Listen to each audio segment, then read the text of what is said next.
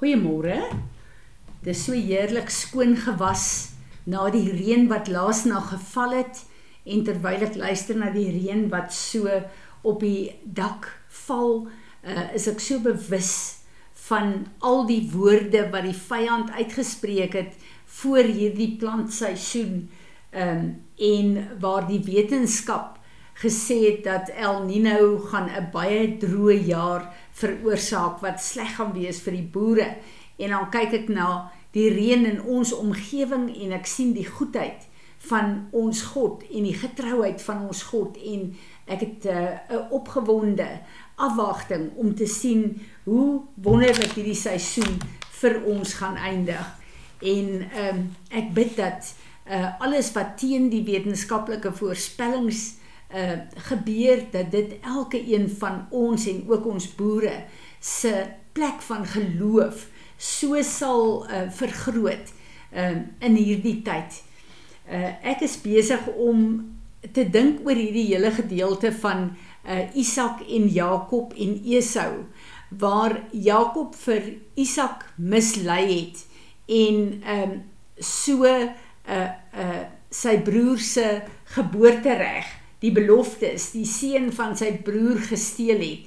En is baie interessant, mense dink baie keer dat ehm um, uh hoe kon Jakob dit gedoen het en dit is so 'n belangrike uh gebeurtenis wat in sy lewe plaasgevind het. Ehm um, ons wat in die Nuwe Testamentiese tyd lewe, besef nie hoe groot is die seën wat gegee word ehm um, voor een van die 'n 'n patriarg of matriarg op 'n bloedlyn die aarde verlaat nie want dit is letterlik die destiny van daai bloedlyn wat oorgeplaas word. En uh hierdie hele storie gaan nie net oor uh Jakob wat uh oneerlik was nie. Dit gaan oor die feit as ons kyk na Esau wat uh getrou het met vrouens van uh uh Kanaan wat afgode was wat uh, ongehoorsaam aan God was, wys vir ons dat God en sy woord en sy beloftes nie vir Esau eintlik enigiets beteken het nie. En uh, Jakob en Rebekka het geweet hoe belangrik dit is en hulle het uh, dit na waarde geag en daarom wou uh, Jakob dit nie laat verlore gaan nie en hy het uh, besluit hy gaan dit neem en God het dit toegelaat wat baie interessant is so ons kyk waar Jakob se lewe gedraai het. So die eersgeboorte reg en ook die beloftes van God oor 'n familielyn is baie baie kosbaar en baie belangrik en ek glo dis hoekom die Here dit toegelaat het. Maar ietsie wat ek ver oggend vir ons letterlik net wil onderstreep omdat dit vir my so belangrik is, is waar 'n uh, 'n uh, Isak vir Esau uh, gevra het om vir hom die die 'n uh, 'n uh, wil te gaan skiet sodat hy dit kan eet en dat hy hom dan kan seën. En uh Isak uh het nie geweet dat Rebekka en Jakob hom bedrieg nie. Maar wat ek by wil uitkom en ek wil dit vir ons lees. Um hy vra Isaac Genesis 27 vers 20 sê Isaac sê to his son, "How is it that you found the game so quickly, my son?" And he said, Because the Lord caused it to come to me. But Isaac wondered and said to Jacob, Please come close to me, so that I may touch you, my son, and determine if you are really my son Esau or not. So Jacob approached Isaac, and his father touched him and said, The voice is Jacob's voice, but the hands are the hands of Esau. He could not re recognize him as Jacob because his hands were hairy like his brother's Esau's hands. So he blessed them, him and said, Are you really my son Esau? Jacob answered, I am. Then Isaac said, Bring the food to me, and I will eat some of my son's game, so that I may bless you. He brought it to him, and he ate, and he brought him wine, and uh, uh, uh and he drank.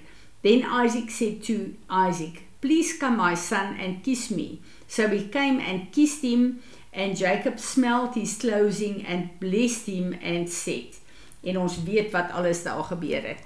Wat vir my so interessant hier is, is dat die oomblik as ons op ons vlees staat maak vir onderskeiding, dan word ons bedrieg.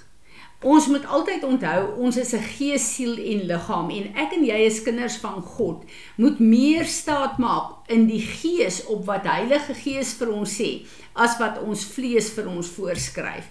En as ons kyk na wat hier gebeur het in die vlees, het Jakob alles gedoen om vir Isak te bedrieg en dit het gewerk want Isak het op die vlees staat gemaak. Hy wil voel hoe lyk sy seun. Hy het geryk en hy het geryk dit is nie eintlik regtig waar 'n uh, 'n uh, 'n uh, 'n uh, uh, uh, Isak se reuk wat deur ag uh, Jakob se reuk wat deurkom nie maar die vlees uh die velle waarmee hy toegemaak is die ehm um, die vermomming wat hy gehad het het ehm um, hy geryk en hy het uh gesê kom uit die kos geëet en hy het gesê kom laat ek jou ehm um, kom ehm um, seën en uh as gevolg van uh die reuk wat hy in die fisiese geryk het uh van Esau het hy gekom en hy die die ehm um, uh uh seën uitgespreek vir Jakob. Nou wanneer ek en jy in die fisiese altyd wil onderskei en toelaat dat die fisiese ons lei, is dit baie keer so 'n samestemming met ons vlees word baie keer deur die vyand gebruik om ons voetstappe te rig. Nou wanneer ons na ons die vlees alleen kyk, dan kan ons maklik mislei word. As ons kyk na ek het vroeër gepraat van die ehm um, wetenskaplike bewyse wat daar is, die fisiese tekens wat hulle gevat het en en uh uh volgens dit bereken het dat hierdie 'n droë seisoen gaan wees. Die begin van die jaar het ons die Here vergifnis gevra, die begin van die seisoen en gesê El Nino gaan nie bepaal, die vlees gaan nie bepaal wat gebeur met die seisoen van die boere nie, maar God sal bepaal. En die Here het hierdie hele ding omgekeer. So baie keer dan kyk 'n mens na fisiese goed wat vir jou so realiteit word want daar is wetenskap agter. Daar is 'n uh, eh, uh, eh, goed wat jy aan kan vat en kan sien en kan hoor en kan ruik en kan proe. So daar's 'n fisiese realiteit wat baie keer jou sinne beïnvloed en dan wil jou fokus gaan na net dit wat jy in die vlees sien en dit ondermyn ons geloof in God. Want God is letterlik wanneer hy kom en die natuurlike evaluasie van 'n situasie wanneer ons evalueer en sê hierdie is die feite in die fisiese dan wil daai feite baie keer bepaal hoe God ingryp in ons lewe.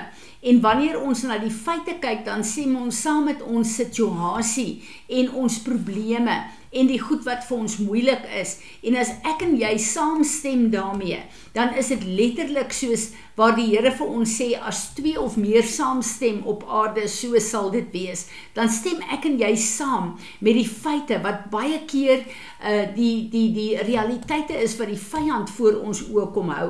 En die Here wil hê ons moet saam met hom stem. Dis hoekom een van die uh gawes van Heilige Gees is die gees van onderskeiding. Hoekom het ons onderskeiding nodig? Ons het onderskeiding nodig om die realiteit te kan sien wat ons nie met ons fisiese oë kan sien nie. So God se realiteit vir ons is baie keer teenoorgestelde van wat ons omstandighede is. Maar as ek en jy soos Isak gaan vaskyk na die vleeslike uh realiteite dan gaan dit ons mislei sodat ons God se plan vir ons lewe gaan mis. En wanneer ons kyk na die bonatuurlike, wanneer ons kyk na God, dan beteken dit letterlik as ons praat van God se bonatuurlike krag, dan beteken dit die fisiese feite wat ons sien in ons lewe of ons omstandighede en baie keer die plekke waar die vyand ons aanval. Hierdie fisiese feite wat op die tafel is, Dit is die vlees en die natuurlike. Die bonatuurlike van God is wanneer God met sy bonatuurlike krag in ons natuurlike situasie ingryp. Maar dit is wanneer ek en jy saamstem met God en met God se plan vir ons lewe. Dan kom God se bonatuurlike werking en krag in ons natuurlike feite en strukture en situasies in en dit kom en dit gooi alles omver want dit is waaroor geloof gaan. Geloof gaan om te kyk na 'n situasie en te weet as my God nie gaan ingryp nie, is daar niks wat dit kan verander nie. En dit is waar hierdie bonatuurlike die geloof in God, wanneer ek en jy kyk na situasies en dink hierdie ding kan nie verander nie. Daar's niks wat ek kan doen of mense kan doen om hierdie situasie te verander nie.